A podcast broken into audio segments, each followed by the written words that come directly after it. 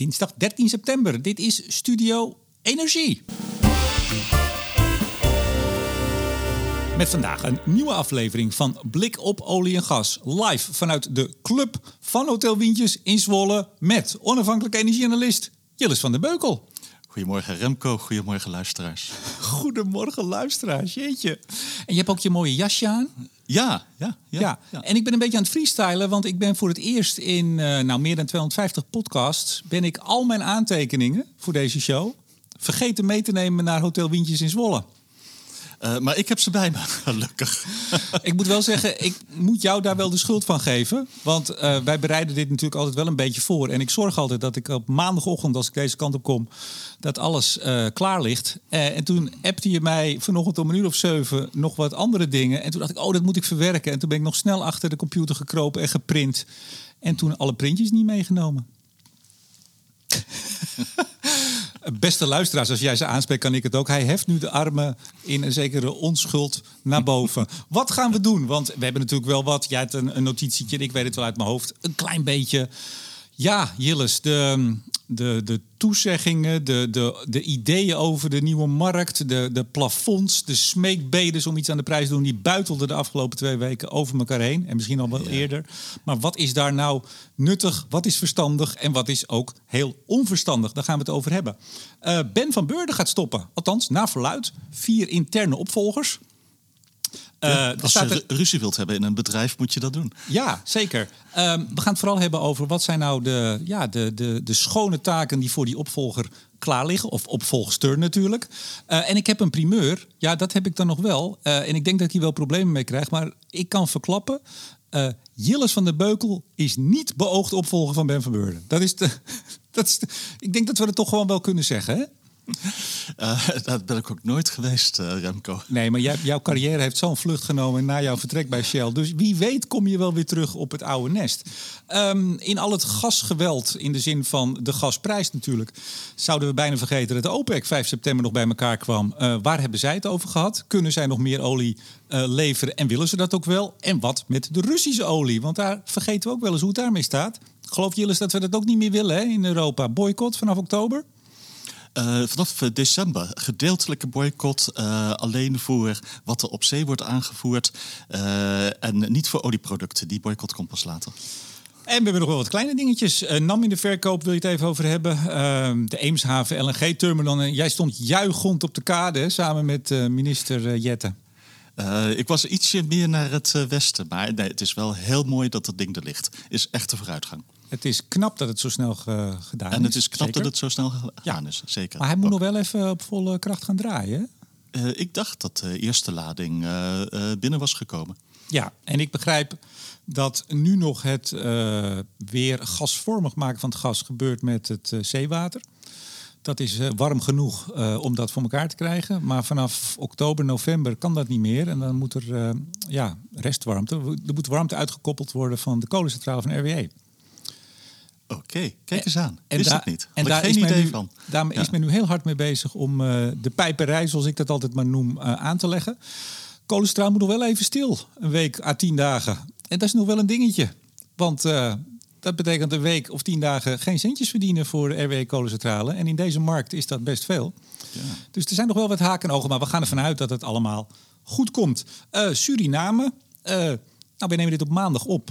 Eh, premier Rutte is vandaag in Suriname met minister, dan moet ik het goed zeggen, ja, dat doe ik nu allemaal uit mijn hoofd, Liesje Schijnemacher. Eh, ik had haar naam wel eens gehoord, maar ik was vergeten dat zij minister van, eh, ja, vroeger noemden we het ontwikkelingssamenwerking eh, en nog iets. wist, je, wist je dat de premier. Ja, dat wist ik, ja. Ja, ja. Die er ook meteen toch even kijken of er misschien wat gas deze kant op kan... als daar nog eens een LNG-terminal wordt gebouwd? Je weet het niet. Eh, fossiel stond niet op de agenda. Er mochten ook geen fossielen mee. Nee, echt waar? nee, echt waar. Overigens, vorige keer hadden we het over dat er misschien wel een overleg zou komen... eh, met, eh, met adviseurs, eh, energiespecialisten, met kabinetsleden. Is die, is die bijeenkomst nog gepland of heeft die al plaatsgevonden? Eh, die is gepland. Oh, hij is gepland. Ja, hij is gepland. Ja? En, Ja. ja, ja, jij mag er ook heen? Eh, ja, ik mag ook heen. Remco. Ja. En, en heb je daarom ook je nieuwsuurjasje nu al aan? Dat je vast een beetje aan het wennen bent voor wat chiquer... eh, voorkomen. Zoiets, ja. Ja? Heb je, heb je media Nee, nee, vanda- niet vandaag hoor. Nee, nee. Heb je een mediaopname vandaag? nee, ik heb ook geen media. Ja, jij bent het medium. Nou, dat, dat, val- dat valt reuze mee. Het was Ik- wel leuk gisteren Ik bij... had eh, Oh. zaterdag leuke media-opname. ja. wat had je dan? Eh Rai 3, de Italiaanse televisie. En ze wilden opnemen bij de Norre gasopslag. Maar ze waren de hele dag zo druk in Groningen... dat ze doodboe, maar toch nog steeds graag dat interview willend... om zeven uur aankwamen bij Norg. Eh, en dat is echt in the middle of nowhere. Ja, dat weet jij ook Ja, ondertussen. zeker. Ik ben Ja. erheen gefietst. Ja, dus we zijn op een heuveltje gaan staan naast de gasopslag. En eh, met het eh, ondergaande tegenlicht van de zon hebben wij dat opgenomen. Als het goed is, is het, wordt het vandaag uitgezonden. Mm, Maar j- jou- jouw ster is... eh, ja, dat, er staat geen maat op hoe, hoe ver jij, nog- jij nog gaat reizen. Eh, eh, nee, ik, ik, ik, zoveel stelt dat niet voor. Eh, Eerste keer Italiaanse tv enzovoort. Nou, maar ik, ehm, eh, jij stond ook laatst in de Washington Post. Eh, ik moet wel heel eerlijk zeggen eh, dat ik je er nog een beetje aan geholpen heb. Want ik werd benaderd Ja? door de Washington Post. Ja, mijn quotes hebben het niet gered in het stuk. Maar wie stond daar pontificaal in een groot stuk in de Washington Post? Jilles Van den Bukel. nee, maar leuk toch? Ja, Ja, gaat goed, gaat goed. Ja. Ehm, ja, dan hebben we het wel gehad, hè? Alle dingetjes die we gingen doen, toch? Eh, ja, we maar beginnen met de EU? ja. Dat was eh, druk, hè? Ik bedoel, al die gelekte non-papers, al die toespraken. Maar eh, ja, waar blijven de uitgekristalliseerde voorstellen? Maar laten we wel zijn, eh, het is wel ook een hele opgave met wat er nu allemaal gebeurt. Ja. Ja, ik heb ook al die... wat is eigenlijk een non-paper? Waarom heet dat non-paper? Ik heb geen idee. Dat kan, kan vast een van de luisteraars ons laten weten via Twitter Ja. of LinkedIn. Het is geen paper. Soort, het geeft de status aan, denk ik. Eh, zoiets, ja. Maar- maar die ja, la- dat maar ja, kun je laatste ook een draft noemen. Maar een Ja. draft is al iets officiëler, denk ik, dan een, een non-paper. Maar dat laatste ding wat gelekt was, dat was iets van 36 pagina's. Die vorige was 23. Maar er stonden ook heel veel opmerkingen nog op. Ja, dit moet veel korter en eh, hier moet je nog even dat invoegen en zo. Dat is dan echt wel bij iemand onder de handen vandaan gewoon naar buiten geknald. Raar, hè? Eh, ook wel in zekere zin zorgwekkend. Want sommige dingen wil je gewoon ja, in, in, in, in rust kunnen voorbereiden. En je wilt allerlei proefballonnetjes kunnen oplaten zonder dat ze in de publiciteit komen. Wat grappig is, de eerste, het eerste medium dat erover bericht, die zegt nou in het bezit van deze krant. Maar iedereen had het in bezit. Ik bedoel, en die gaat het elkaar niet sturen, die kranten en die media. Dus ik bedoel, er is iemand die Eh, dat. Denk je van nee? Ik denk daar eerlijk gezegd dat eh, sommigen het elkaar wel sturen. Waarom? Mm, Je hebt vrienden. Bij, bij concurrenten, collega's van media, ga je dan, als jij nou de enige bent, stel nou, je hebt echt een bron in de Europese Commissie of in die ambtelijke organisatie, die Ja, geeft jou ja, het stuk, die zegt, "Sst, Jilles, Jilles, hey, niet verder hè, dit, dit heb je niet van mij. En dan, zeg- dan ga je al je vrienden bij alle media bellen en zeggen, joh, ik heb hier een stuk, hier alsjeblieft. Jij helpt mij, ik help jou. Zo werkt dat. Nou, ik weet het niet. Ik denk dat het gewoon heel breed gedeeld is. In internationale media, iedereen had het. Nee, maar er, er wordt ja. dus wel gekeken, en dat is in Den Haag natuurlijk ook gebruikelijk. Eh, ja, even kijken, even het water voelen. Hoe wordt erop gereageerd? De 200 euro per megawattuur. Eh, al die dingen worden toch even gedropt om te kijken van ja, hoe, hoe ligt het? Hoe valt het? Misschien ook wel, ja. Oh, ja. je moest even nadenken. Misschien ook Ik- wel. Ik zat te nadenken wat voor redenen er allemaal konden zijn. Volgens mij heel veel. Ja. En, en een gedeelte is gewoon ook eh, lekker hoor. En, en de, de honger naar eh, nieuws. Ja. Je hebt de podcast gehoord met, eh, met Joost Greunsen van Tenet en eh, Chris, Chris Guth van Engie. Over de, de, de aanstaande ingrepen in de ele- elektriciteitsmarkt. Eh, dit is een podcast olie en gas, maar ja, alles loopt nu in elkaar over. We gaan die podcast niet helemaal eh, dunnetjes overdoen. Zouden we niet durven. Maar toch even, ehm, die ingreep in het marktsysteem, in het marktmodel. Wat vind je daarvan? Nou, ik, ik begrijp het, maar ik denk dat de meest eh, botte ingreep, een, een, een plat prijsplafond, eh, voor iedereen, ja, dat dat geen goede ingreep is. Terwijl ik verder eh, best waardering heb voor een heleboel andere mogelijke maatregelen. Maar misschien moeten we even, sorry Jillis, misschien moeten we even, want er gaan zoveel dingen rond. En zelfs voor, eh nou, voor ingewijden is het af en toe lastig, maar als je er niet helemaal in zit, is het bijna niet meer te volgen. Want er gaan allerlei prijsplafonds langs. Eén voor eh, Russisch gas. Eh, nou, onder andere België is fanatiek voor een eh, prijsplafond op al het gas wat we importeren in de EU. Dan hebben we een prijsplafond mogelijk, eigenlijk wat ze in Groot-Brittannië hebben, voor de energierekening. U, beste burger, betaalt nooit meer dan dat. Ja, Dat heb je ja. in Groot-Brittannië. Dan heb je een prijsplafond eventueel voor niet-gas elektriciteitsopwek. Dus dan hebben we het over renewables, zon, wind, maar ook kolen bijvoorbeeld, kernenergie. U mag zoveel vragen, maar niet meer dan dat. Of de rest komt naar ons. Mhm. Is toch niet meer te volgen, Jilles? Nou, het is wel te volgen, maar het kost wel veel moeite eh, ondertussen. En ook het kost moeite om, nou ja, wel even eh, na te gaan van uh, iemand noemt prijsplafond. Uh, welke van die vier heb ik er nou net geteld? Ja. welk, welke bedoelt hij? Ja. ja. Ja. waar, we het, waar we in de podcast met de, de elektriciteitsman over hadden, was vooral die eigenlijk inperking of het afromen van de inkomsten van zon en wind, met name. Ja, en dat is het probleem is ja, uh, uitvoerbaarheid. Ik bedoel, hoe ga je die kluwen ontwikkelen waar uh, al die winst uit de lage kosten van zon en wind nu terechtkomen? Dat is veel makkelijker voor olie en gas. dat doen ze gewoon een verhoging van de mijnbouwheffing in Nederland. Nou, dat is makkelijk en dan ben je klaar. En dat instrumentarium ligt er.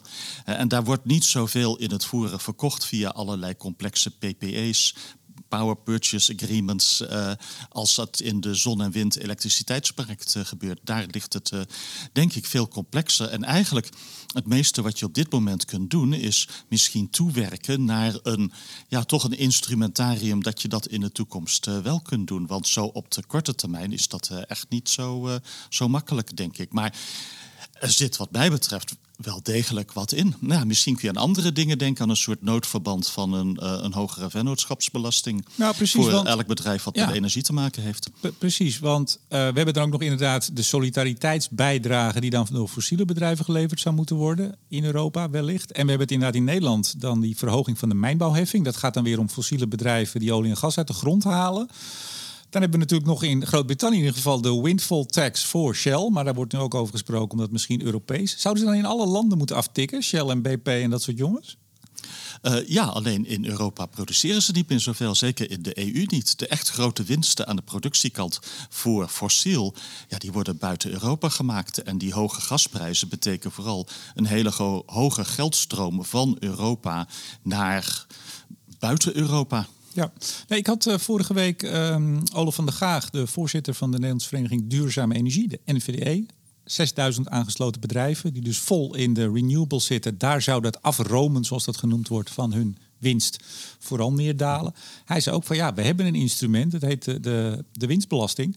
En die kan je verhogen of je kan er nog een schijf bovenop zetten. Ik bedoel, maak het nou niet te ingewikkeld en ga nou niet in dat marktmodel, wat op zich goed functioneerde de afgelopen twintig jaar. Ga daar nou niet in ingrijpen, maar vind andere manieren om uh, ja, eventuele overwinsten. En ik denk dat we het allemaal eens zijn, hè, Jilles? Ik bedoel, bedrijven die, waarvan je ziet, die verdienen ieder jaar ongeveer dit. En ineens schiet het omhoog. Dan snapt iedereen, ja, daar komt ons geld terecht. Ik denk dat de meeste mensen daar geen probleem mee hebben. Ja. Of het nou om uh, fossiel gaat of om uh, hernieuwbaar.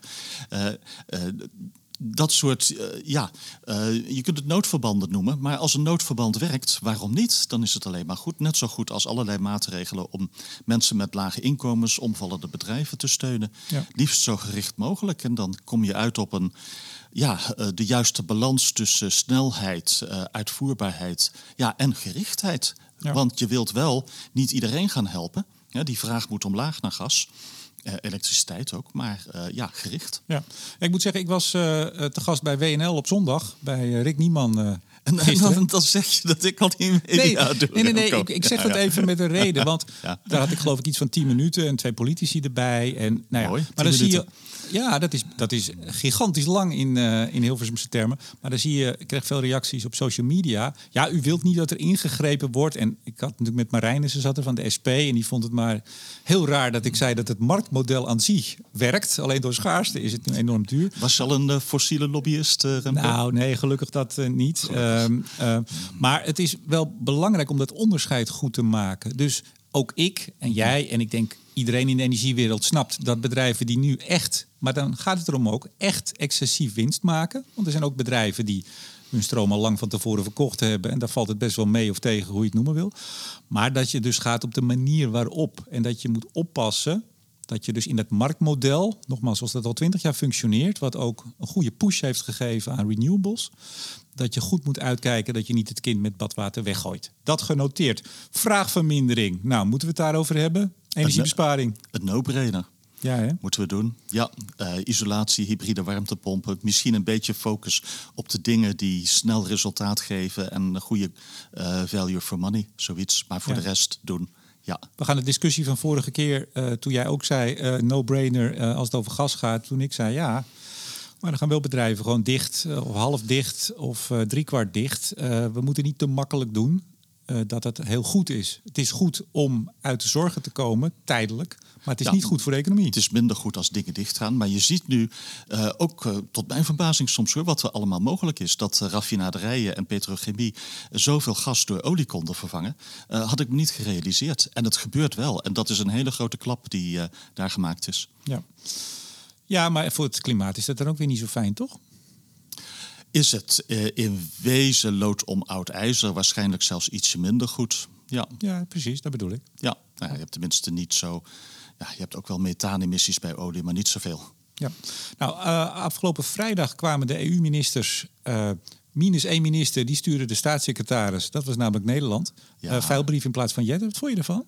Ik vond het raar, eerlijk gezegd. Ik vond het ook eigenlijk geen goed teken dat eh, ja, de, eh, de man wiens opdracht het is om Groningen te sluiten gaat. En niet eh, de man wiens eerste objectief het is om ja, iets te doen aan klimaatverandering en een nieuw energiesysteem op te bouwen. En ondertussen in die transitie ook nog energie betaalbaar en leveringszeker te houden, dat die niet gaat. Dit is uh, Jettes een onderwerp. Ja, ik zag, een, eh, ik zag een interviewtje volgens mij in de Eemshaven. Daar was hij Sorry donderdag. hoor, minister Jette en staatssecretaris Veilbrief. Zeker. Ik zag een interviewtje met hem, volgens mij in de Eemshaven, waar hij donderdag was. eh, waar hij zei, ja, ik moet vrijdag, dus dat was afgelopen vrijdag. Ja, in de ministerraad liggen hele belangrijke dingen op tafel, eh, die hier ook allemaal over gaan. En daar ben ik nu meer nodig. Daar kwam het eigenlijk op neer. Vind je dat een goed excuus of goede reden? De- Ik denk dat dit de belangrijkste EU-ministerraad eh, was eh, dit jaar over deze maatregelen. Dus ja, dan moet die Nederlandse ministerraad wel heel belangrijk zijn. Ik, nee, ik vind het eigenlijk geen goede reden. Maar, maar nou las ik dat, eh, maar dat, ik heb dit niet eh, uit de eerste hand. Dus ik heb dit ook maar gelezen, zeg ik erbij. Maar dat eh Vuilbrief heeft, ik geloof twee jaar in Brussel gezeten. Of in ieder geval is ervaren in Brussel, laat ik het wat breder trekken. Sowieso natuurlijk, loopt al heel lang mee. Was secretaris-generaal ministerie. door de wol geverfd. Gepokt en gemazeld, zeggen we dan. Ehm, dat ging ook wel een beetje rond. Dat het gewoon wel echt een zo belangrijke meeting was. Dat iemand als Jette, maar dat zijn mijn woorden die ik nu zeg, misschien wel iets te licht is om in dat spel de boel overeind te houden. Zou dat ook niet kunnen? Eh, het lijkt me in ieder geval een betere reden dan dat we Veilbrief hebben afgevaardigd. Omdat, eh, omdat hij zo goed is in het eh, uitleggen waarom we Groningen niet zo snel moeten openen. Ja. Want ik zag ook in de, de wat internationale berichtgeving over die bijeenkomst vrijdag, zag ik ook vuilbrief een paar keer genoemd worden. Dus Ja. in dat hele spel van die 27 ministers zie je ook wel meteen dat Ja, hij daar toch ook in de Financial Times Ja. stond hij bijvoorbeeld. Ja. Nee, maar om die reden Ja. dus ook. Dus dat is wel een, een ik zou bijna zeggen, een magger, zoals we dat zo mooi zeggen in Duits. Iemand die wel dingen voor elkaar krijgt en die ontzag blijkbaar inboezemt. Daar gaan de journalisten ook naartoe, naar zo'n man. ja. En bij Jette is Ja. dat, ja, dat klinkt een beetje flauw, Ja. dat bedoel ik niet zo. Maar, Maar ja, dan dan is dat maar de vraag. misschien eh Veilbrief gelijk maar minister van eh, Klimaat en Energie moeten maken. Nou, dat is wel een goed punt. Want Je- Jette is ook niet bij de algemene politieke beschouwingen. Dan gaat hij naar Pittsburgh voor een eh, energie-klimaatconferentie. Ik heb me daar erg over nou, verbaasd. eh, ja, en, eh, en, maar dat vind ik jammer als, als ja, ergens. Nou ja, ik heb waardering voor Rob Jetten simpelweg omdat ik zie A hoe hard hij werkt, B dat hij echt heel goed in de materie eh, zit. Ja, toch wel. Ja, nee, maar ik, ik- kijk, ik heb respect voor iedereen die een bestuurlijke politieke functie in Nederland uitoefent. Of dat gemeenteraad is, provinciaal. Ik vind ook dat al die beschimpingen en, en dat soort idioterie, daar moeten we echt mee kappen. Dus iedereen heeft bij mij krediet. Maar, en dat zie je nu ook, ik maakte een tweetje over dat Rob Jetter dus niet bij de algemene politieke beschouwing. Ik vind dat niet kunnen, zeg ik eerlijk.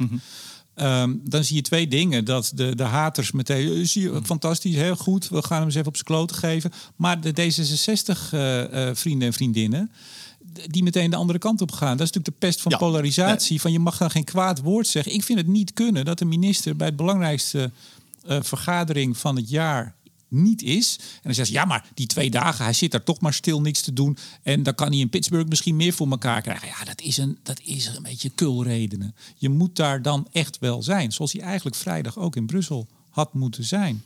Maar ik vind wel dat je kritiek moet kunnen hebben Zonder dat je daarmee zegt dat de man deugt niet in de Wat het, wordt het dan? Hè? Ja, je zal een hekel hebben. D66 helemaal niet. En aan Rob Jet al helemaal niet. Volgens mij is een zeer amabele man. Hardwerkend. Dat zijn ze allemaal, dames en heren. Maar je mag wel kritiek uitoefenen. Maar wel in het nette. Remco, you have a point. Dank u. Um, het prijsplafond gas, ja, dat was eigenlijk uh, het grote twistpunt. Daar zijn ze niet uit. Uh, ik zei het al, België, Tine van de Straten, federaal minister, die zegt: wij willen een prijsplafond op al het gas wat we importeren, dus ook LNG. Ik geloof Italië ook, zijn een paar landen. Nou, meer uh, Hongarije die kant op. Die zeggen, oh, oh, oh, want straks gaat onze mooie deal die we met meneer Poetin hebben gesloten, uh, gaat straks van tafel. Want Poetin heeft gezegd, gaat u een plafond indienen, in, zeg je dat, uh, in werking stellen, dan stoppen wij met leveren. Wat vind je ervan? Nou, als we alle prijsplafonds heel snel aflopen. Algemeen prijsplafond gas voor consumenten.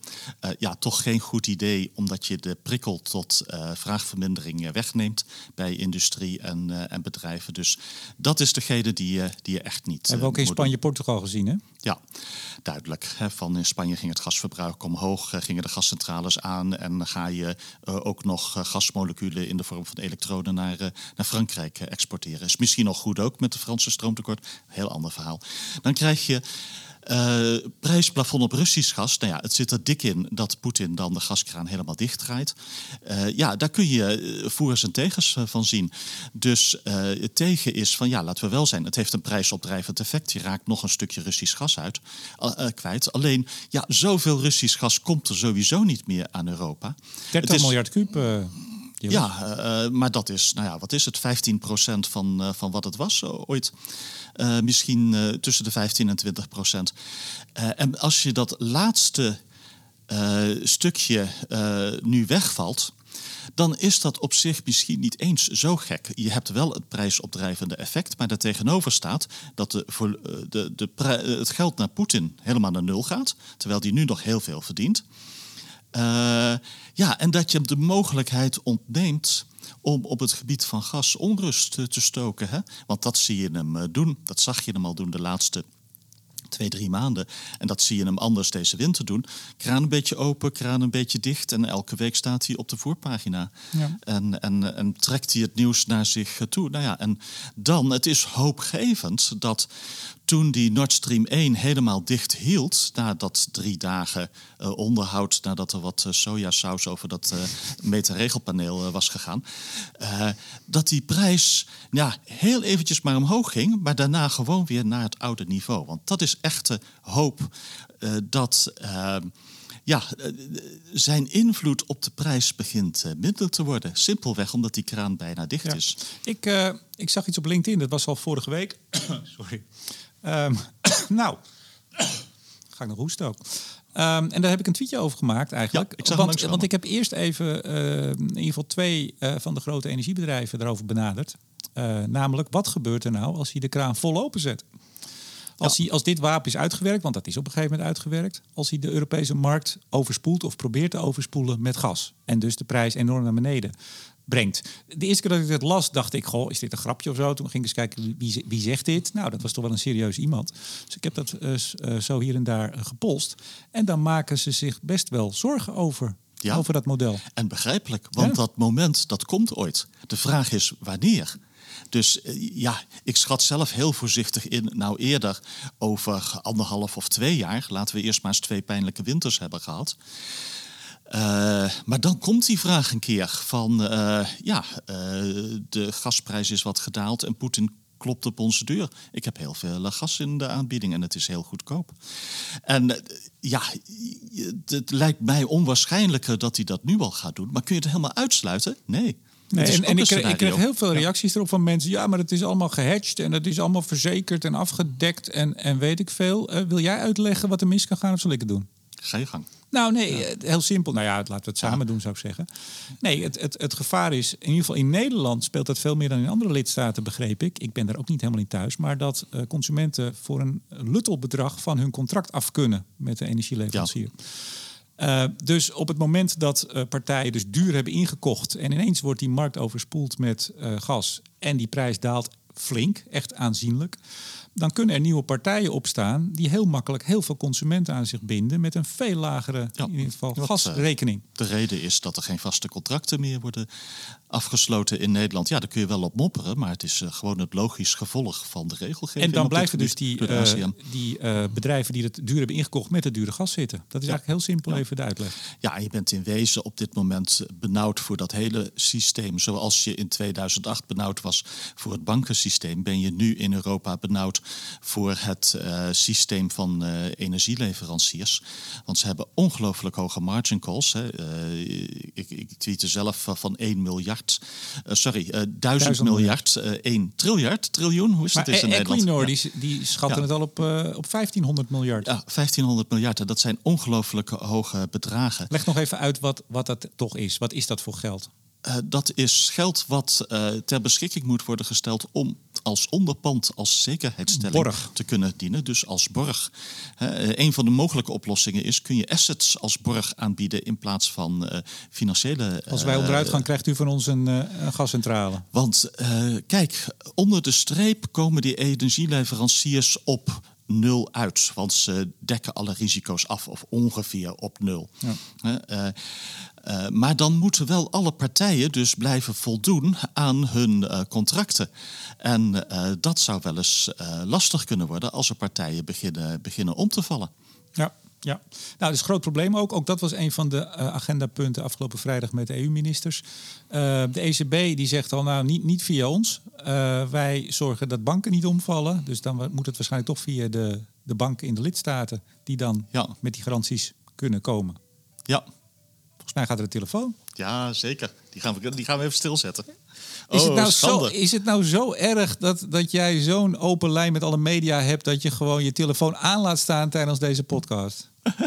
Nee, dat is, eh, dat is oversight, eh, Remco. dat die, eh, We- zijn lekker bezig. Ik heb mijn notities allemaal. Ik heb mijn hele, mijn hele voorbereiding van de show thuis laten liggen. En jij laat gewoon je telefoon aanstaan. Ongelooflijk.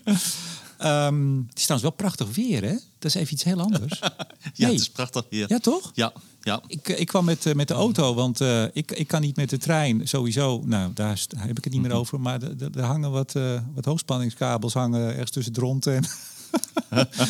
Want ik, ik, ik dacht nog toch, nou ja, weet je, tot eind van het jaar wil ik wel proberen hier. het is zo makkelijk met de trein, maar dat gaat niet meer. Ja, Ja, ja. kom ik hier nou weer op? Ik weet het niet. Ehm, we gaan het zo even over olie hebben. Dan komen we ook bij de, de Russische olie. Maar even, even tussendoor. Kort ander nieuws. Ehm, ben van Beurden. Eh, nou, gaat na verluid stoppen.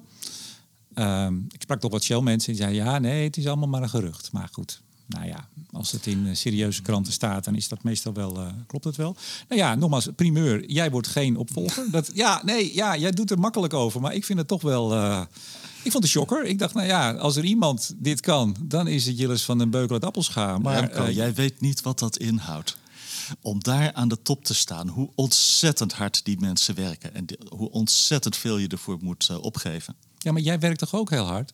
Nee, dat staat in geen verhouding tot wat mensen in zo'n bedrijf eh, werken. Iedere keer naar. Hilversum en dan weer, Nee, nee, en dan weer te woord staan. nee, nee. En het- ook bij Shell. Zo hard heb ik van geen kanten ooit gewerkt. Ik heb eh, respect voor die mensen, maar ik ben ook blij dat ik daar zelf nooit aan begonnen zijn. ben. Er zijn vier eh, interne opvolgers. Althans, dit zijn dus allemaal de geruchten. Of weet jij meer? Heb jij via de binnenweg heb jij, weet jij nee, meer nee, dan nee, wij? nee, nee, nee, dit is, dus, nee, dit is allemaal gebaseerd op openbare bronnen. Eh, Ja. Hoe heet de ene meneer of mevrouw? Want ik kan de naam niet eens uitspreken. Wie is dat? Eh, nou, als we het rijtje afgaan, eh Wael Sawan. Wa- Weil, zeg je. Ja, Wael, dacht ik. Eh, hij is in ieder geval Canadees van, ik meen, Libanese origine. Oké. Eh, en hij heeft de upstream gedaan en hij is na het vertrek van Maarten Wetselaar... eh, is die Integrated Gas and Renewables gaan doen. Oké. Upstream, dat is het uit de grond halen van spulletjes. ja, ja, dus zeg maar het, het oude verdienmodel. van, hij is van het oude verdienmodel naar het nieuwe verdienmodel gega- gegaan. En ik begrijp dat hij de meeste kans maakt? Uh, ja, ik denk het wel. Maar dat is de, echt een persoonlijke inschatting. Maar op het moment dat Maarten Wetselaar wegging... Nou ja, en waarom ging die weg? Uh, geruchten van, nou ja, als je ziet dat je het niet gaat worden... dat is je impliciet of expliciet verteld... en je wilt ooit bovenaan staan... ja, dan kun je maar beter op een gegeven moment uh, weggaan als je de kans krijgt. Hè? zulke soort treinen komen niet zo vaak langs. dan moet je instappen. Ja, en toen uh, al overging van upstream naar integrated gas, ja, dan heeft hij beide verdienmodellen, grote verdienmodellen gehad. En toen was toch wel een beetje het gevoel van, ja, dit wordt gedaan om hem echt voor te bereiden, te primen op de, op de topjob. Het is his job to lose. Oké, maar dan gaan we de andere drie namen niet noemen, want het is flauw. Ja. Toch?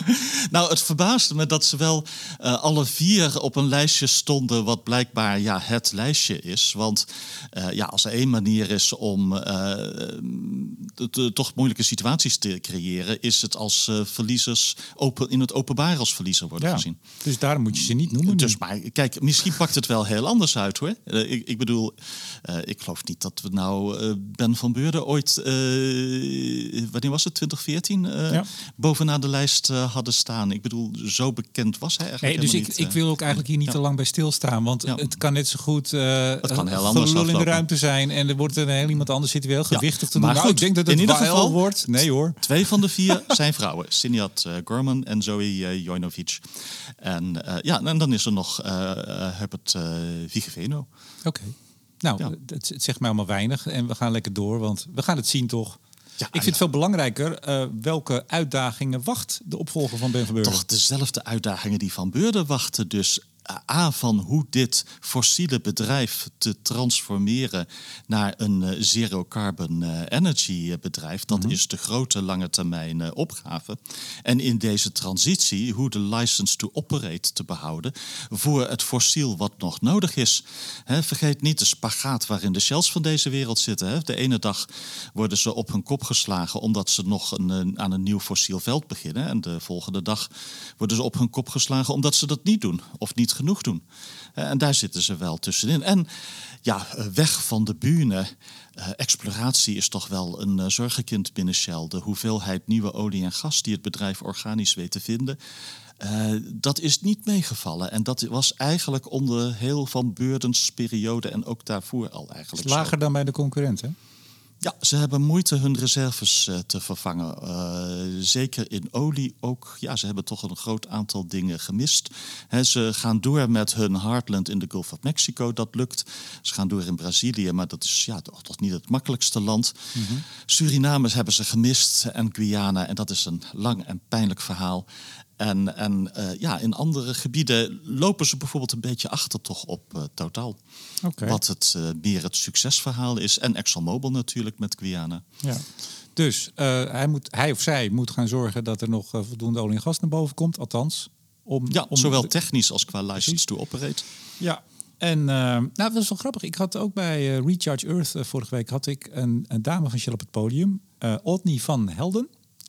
En, en die is met haar mensen, zij is uh, chef, eigenlijk bezig om de scope 3, uh, eh, dus de klanten, uh, te helpen te decarboniseren. Ja, en dat zul je steeds meer zien, ja, denk ik. Ja. Europese bedrijven eerder dan Amerikaanse bedrijven. Ja, ja dus Dat, dat je vanuit Shell uh, ja, je klanten gaat helpen om uh, minder olie en gas, althans minder uitstoot moet ik zeggen, dat is een betere uh, formulering, te gebruiken. Dus ja, het, is, het zijn spannende tijden, ook binnen Shell denk ik. En verder op de lange termijn is er een, of op de medium termijn hoor, eigenlijk niet tijdens deze crisis is er de uitdaging om te zorgen dat Shell niet wordt opgekocht door een stel hedge funds en wordt opgedeeld. En daar zit een andere vraag op de achtergrond van uh, kunnen fossiel en hernieuwbaar onder één dak? Fossiel hele hoge winsten op dit moment, uh, sociaal uh, niet aanvaardbaar. hernieuwbaar, ja, toch een ander verhaal. hoewel het met de winsten heel goed gaat, maar goed.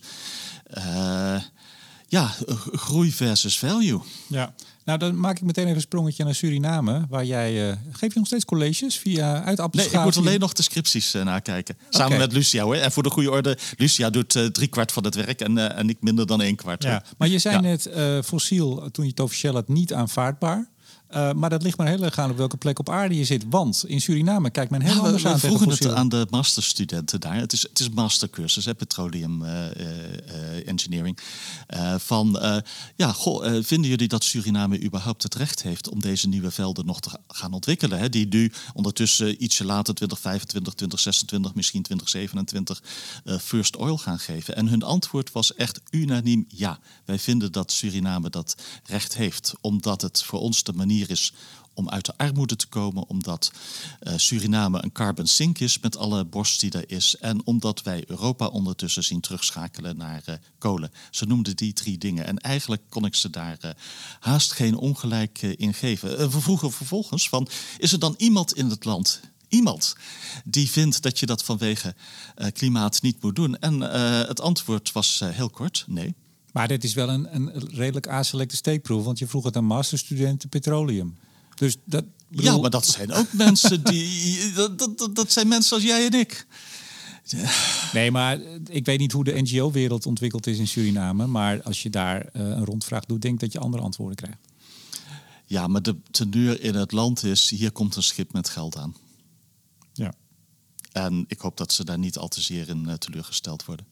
Nou, het geld zal wel komen, maar het is misschien meer de verdeling van het geld. Ja, en dat is de algemene zorg. En, en dat is een breed gedeelde zorg, ja. uh, denk ik. Ja. Verkoop van de NAM, moeten we het daar nog over hebben? We staan al een tijdje te koop. Ik, ik zag, ja, ik zag... ineens was het nieuws. Hè? Nou ja, dat, ja, dat vond, ik ook, ook zo frappant. Ik moet zeggen, ik, ik was even op het verkeerde been. Want dat, dat die vier BV's die waren eh, opgezet om uh, uh, de kleine velden te verkopen. Eigenlijk alles behalve de, de gasberging en Groningen. Dat, dat, dat, was dat vorig jaar al? Ik, ik, tijd geleden.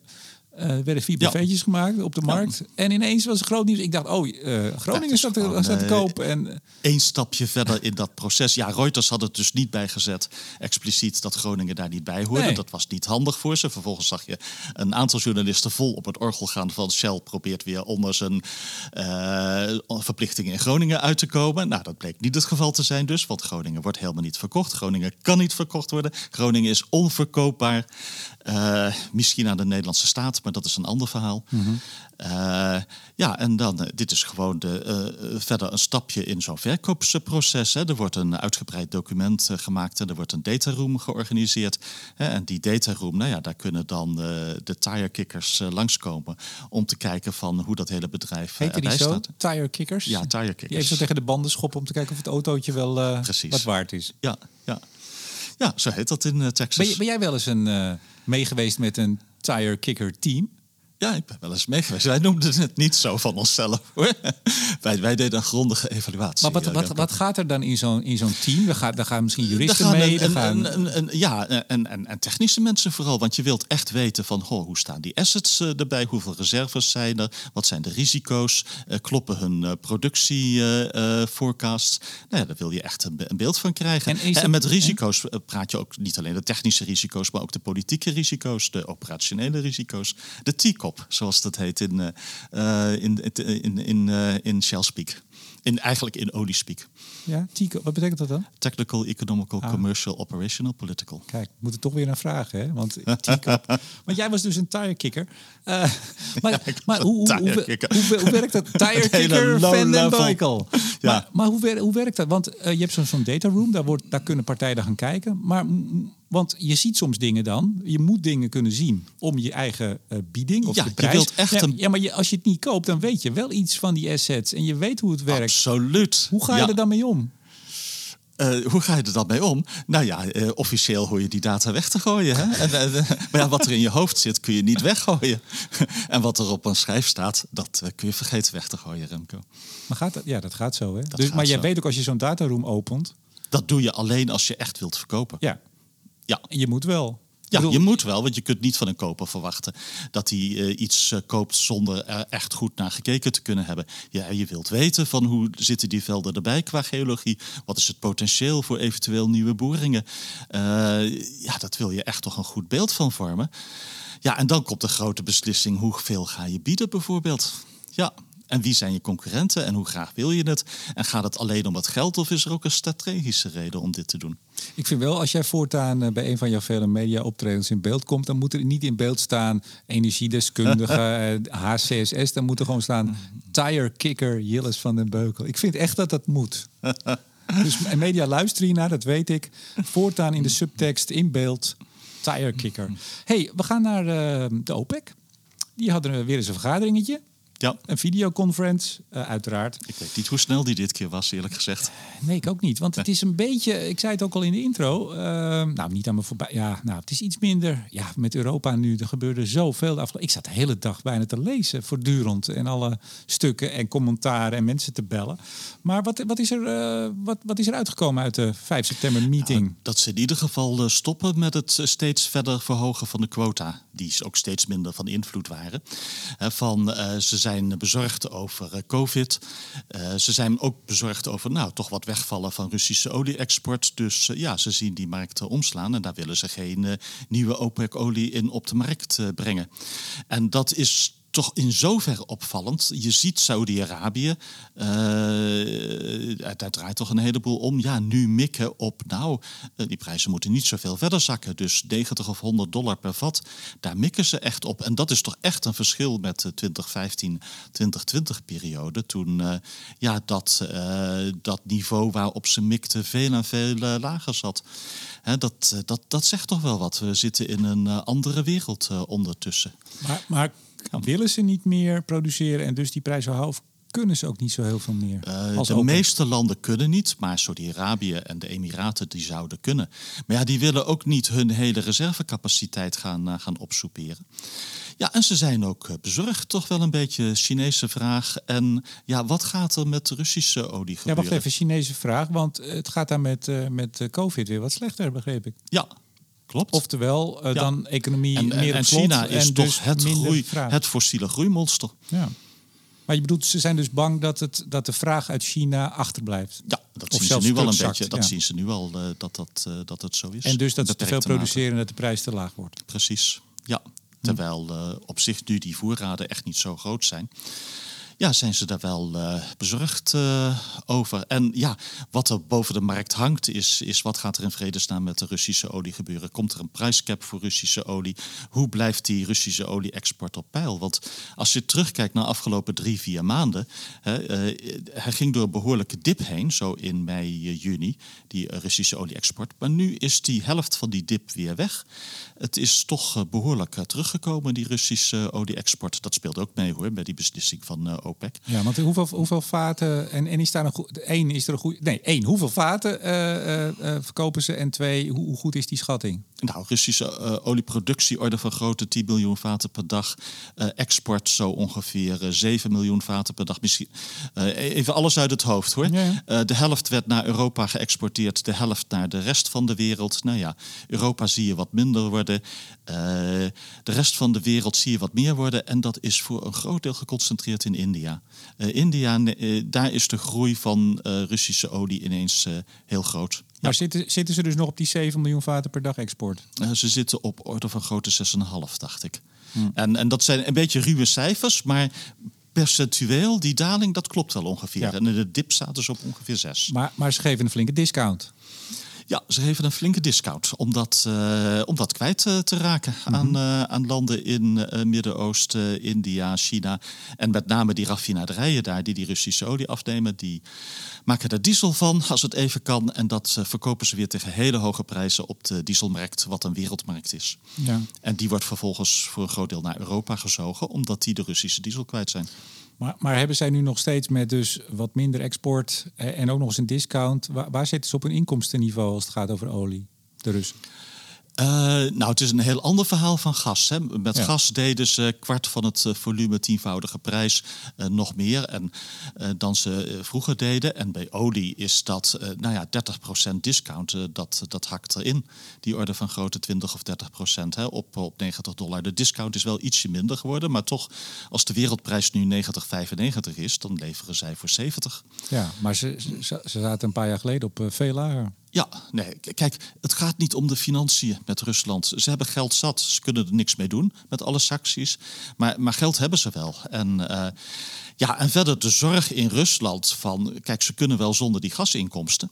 Ze kunnen niet zonder die olieinkomsten op de lange termijn. Nee, dus daar zijn ze heel bezorgd over. En het, je moet niet het is een reëel scenario, zoals het zo mooi heet, dat, dat Rusland ook uh, misschien ineens een oliekraan gaat uh, dichtdraaien. Om toch deze winter maximale pijn te doen. Maar dan eigenlijk aan de hele wereld. Ja, dus niet alleen naar Europa, maar gewoon helemaal dicht. Als uh, Poetin echt helemaal tot aan het gaatje gaat, dan, dan gaat hij misschien, ja, misschien niet helemaal dicht, maar genoeg om de olieprijzen ver op te jagen. Ja, want hoe is de verhouding nu, voor, voor, zover je weet, met Saudi-Arabië? Want die begonnen dus twee jaar geleden met een enorme knallende ruzie. Daar kwam OPEC Plus uit voort, namelijk samen optrekken. Ja, ze, hadden, ze hebben al een hele tijd een verstandshuwelijk sinds uh, eind stel, 2016. Stel, Rusland draait de kraan dicht, wat gebeurt er dan? Uh, nou ja, dat, dat, over dat soort dingen, dat is niet des Saoedi-Arabiërs, want dat is een veel uh, verantwoordelijker uh, olieleverancier. Saoedi-Arabië wil niet dat het ineens naar de 150 tot 200 dollar gaat. Precies, dus die, die wil niet dat het naar de 50 gaat, maar die wil niet, ook niet dat het naar de 150 Dus die gaan hun reserves gaat. aanspreken, die moeten meer gaan. ja, maar zo gek veel extra reservecapaciteit hebben die ook niet meer. Anderhalf, misschien nee, dus voordat je het weet, als, per dag. als ja. Rusland dat doet, jagen ze ook Saudi-Arabië in de gordijn. Ja, maar Saudi-Arabië kan wel iets begrijpen van Rusland. Hè. Die staan daar veel uh, neutraler, zakelijker in dan het uh, Westen. Ik bedoel, wij vergeten in Europa wel eens dat uh, ja, wij denken het is een absoluut goede zaak wat wij doen ten opzichte van Rusland, hè, Oekraïne. Dat denk ik persoonlijk ook hoor, absoluut, laat het wel zijn. Maar de rest van de wereld ziet dit vooral met zorg aan. En niet zozeer met een, een, een, een, een keuze van we gaan aan die kant of die kant staan. Maar eh, we vergeten wel eens in Europa hoe ontzettend pijnlijk het is wat er nu allemaal gebeurt. Voor uh, landen in Azië en Afrika. Hè. Die zien de graan, uh, de diesel, straks misschien de olie aan zich voorbij varen. Want als Europa de portemonnee trekt, dan kan niemand tegen Europa op. Ja. Maar even die, die boycott van de EU uh, eh, op Russische olie, die ging. Jij zei december, maar ik dacht dat die al wat eerder inging. Maar goed, er zijn er ook alweer nee, nee, uitzonderingen. Het is de, de 5 december voor uh, uh, Russische olie, de, de zeegaande olie, de pijpleidingen, dat is, gaat, langer door. gaat langer door. Dan vooral de zuidelijke tak. Hmm. De olieproducten komen twee maanden later, 5 februari. En veel staat of valt of het eh, eh, de sancties op het verzekeren en transport van eh, Russische olie doorkomen. Ja, ik heb nog even een, een heel andere tussenvraag. Die ben ik net eigenlijk vergeten te stellen. Ik had een tweetje gemaakt met, je kan mooi zien aan de data dat als het over gas gaat, dan ga je heel even terug naar gas dat uh, Rusland leverde zo'n 40% van wat de EU importeert aan gas. Nu zit het op zo'n 9% en nu is het zo'n 40% LNG. En ik kreeg de vraag, en ik had ook niet meteen het antwoord, want ik had die cijfers via Breugel, de, de mhm. denktank. Die hebben het weer van gewoon de, de, de gas, uh, het gasplatform, waar je kan zien waar alles geïn en geëxporteerd wordt. Hoeveel van de LNG, hoeveel LNG levert Rusland aan Europa? Is daar, is daar überhaupt een schatting van? Want ik heb ja, ja, die, die, schatting is er wel. Uh, ik, ik, maar uh, dat is onzekerder dan de nummers, uh, de, cijfers die ik er straks ik. noemde. Maar ja. ik denk dat Russische LNG-exportcapaciteit zo rond de 30, 40 nou, er zit wel een grote marge omheen hoor. 30, 40 BCM per jaar zit, waarvan de helft naar Azië gaat. In de zomer vaart het naar Azië, in de winter vaart het naar uh, Rotterdam. Alleen als je dat uh, een embargo opdoet, nou ja, dat is minder erg, want dat gas dat kan wel ergens anders heen. Hè? die LNG-tankers die naar Rotterdam varen, die, die kunnen ook ergens anders heen maar varen. Jij, jij zegt dat er zo'n 20 miljard kuub LNG van Rusland naar Ja, Europa en daar voel ik me een beetje oncomfortabel bij. Want uh, die cijfers heb ik veel minder goed in mijn hoofd zitten dan... Uh, uh, dan, uh, dan andere cijfers. Ja. Maar precies, ja, want ik, ik heb ook niet gewaagd ja. aan een. Uh, want ik, ik, heb ook, ik heb ook niet op Twitter erop geantwoord. Want ik, ik, ik heb het niet scherp hoeveel het is. Nee, nou, moeten we nakijken. Hè, van wat nu de capaciteit even, even... is van Jamal. En, en ook mijn schatting van nou, de helft gaat in de zomer naar Azië, de helft in de winter naar Europa. Dat is ook maar een hele uh, ja. natte vinger hoor. Nou, ja. dames en heren, uh, schrap dit gewoon even. Ik, we knippen niet, dus ik laat het gewoon zitten, maar we weten het niet. Dat is, daar komt het eigenlijk op neer. Niet hey, goed. We ja, gaan een beetje afronden. Um, de baas van Luke Oil die uit het raam was gesprongen, hè? of gevallen of geduwd. Um, ja. Wat, wat is dat? Hè? En je zag ook even in ook de overzicht bij de NOS, maar ook in de internationale media, hoeveel energie-executives, hoge bazen uh, de afgelopen, nou wat was het, twee ja. jaar, op uh, soms bizarre wijze aan hun einde zijn gekomen. Ja, wie doet dat? Is dat ja. Poetin? Is dat geheime dienst? Is dat een stukje geheime dienst voor Poetin? Of is dat juist een stukje geheime dienst tegen Poetin? Ik bedoel, het, het, het rommelt in Rusland. Uh, ik bedoel, er zijn uh, delen van het machtssysteem daar die niet zo happy meer zijn met uh, Poetin. Ik, ik, ik denk zelf, maar dit is ook weer puur speculeren en daar moeten we altijd mee uitkijken. Maar ik denk dat dit door Poetin en zijn omgeving wordt gedaan en ook om de rest angst in te boezemen. Want iedereen snapt natuurlijk dat er maar niet steeds mensen zomaar uit het raam vallen. Ja, maar het is zo overduidelijk. Kijk, je kunt mensen ook een hartaanval bezorgen met een injectie. Ja, ik heb het nooit gedaan, hè, voor de goede orde. Maar nee, maar je kunt op de meest bijzondere manieren. En dat zijn ook die gifmoorden die Rusland natuurlijk met, het polonium en zo.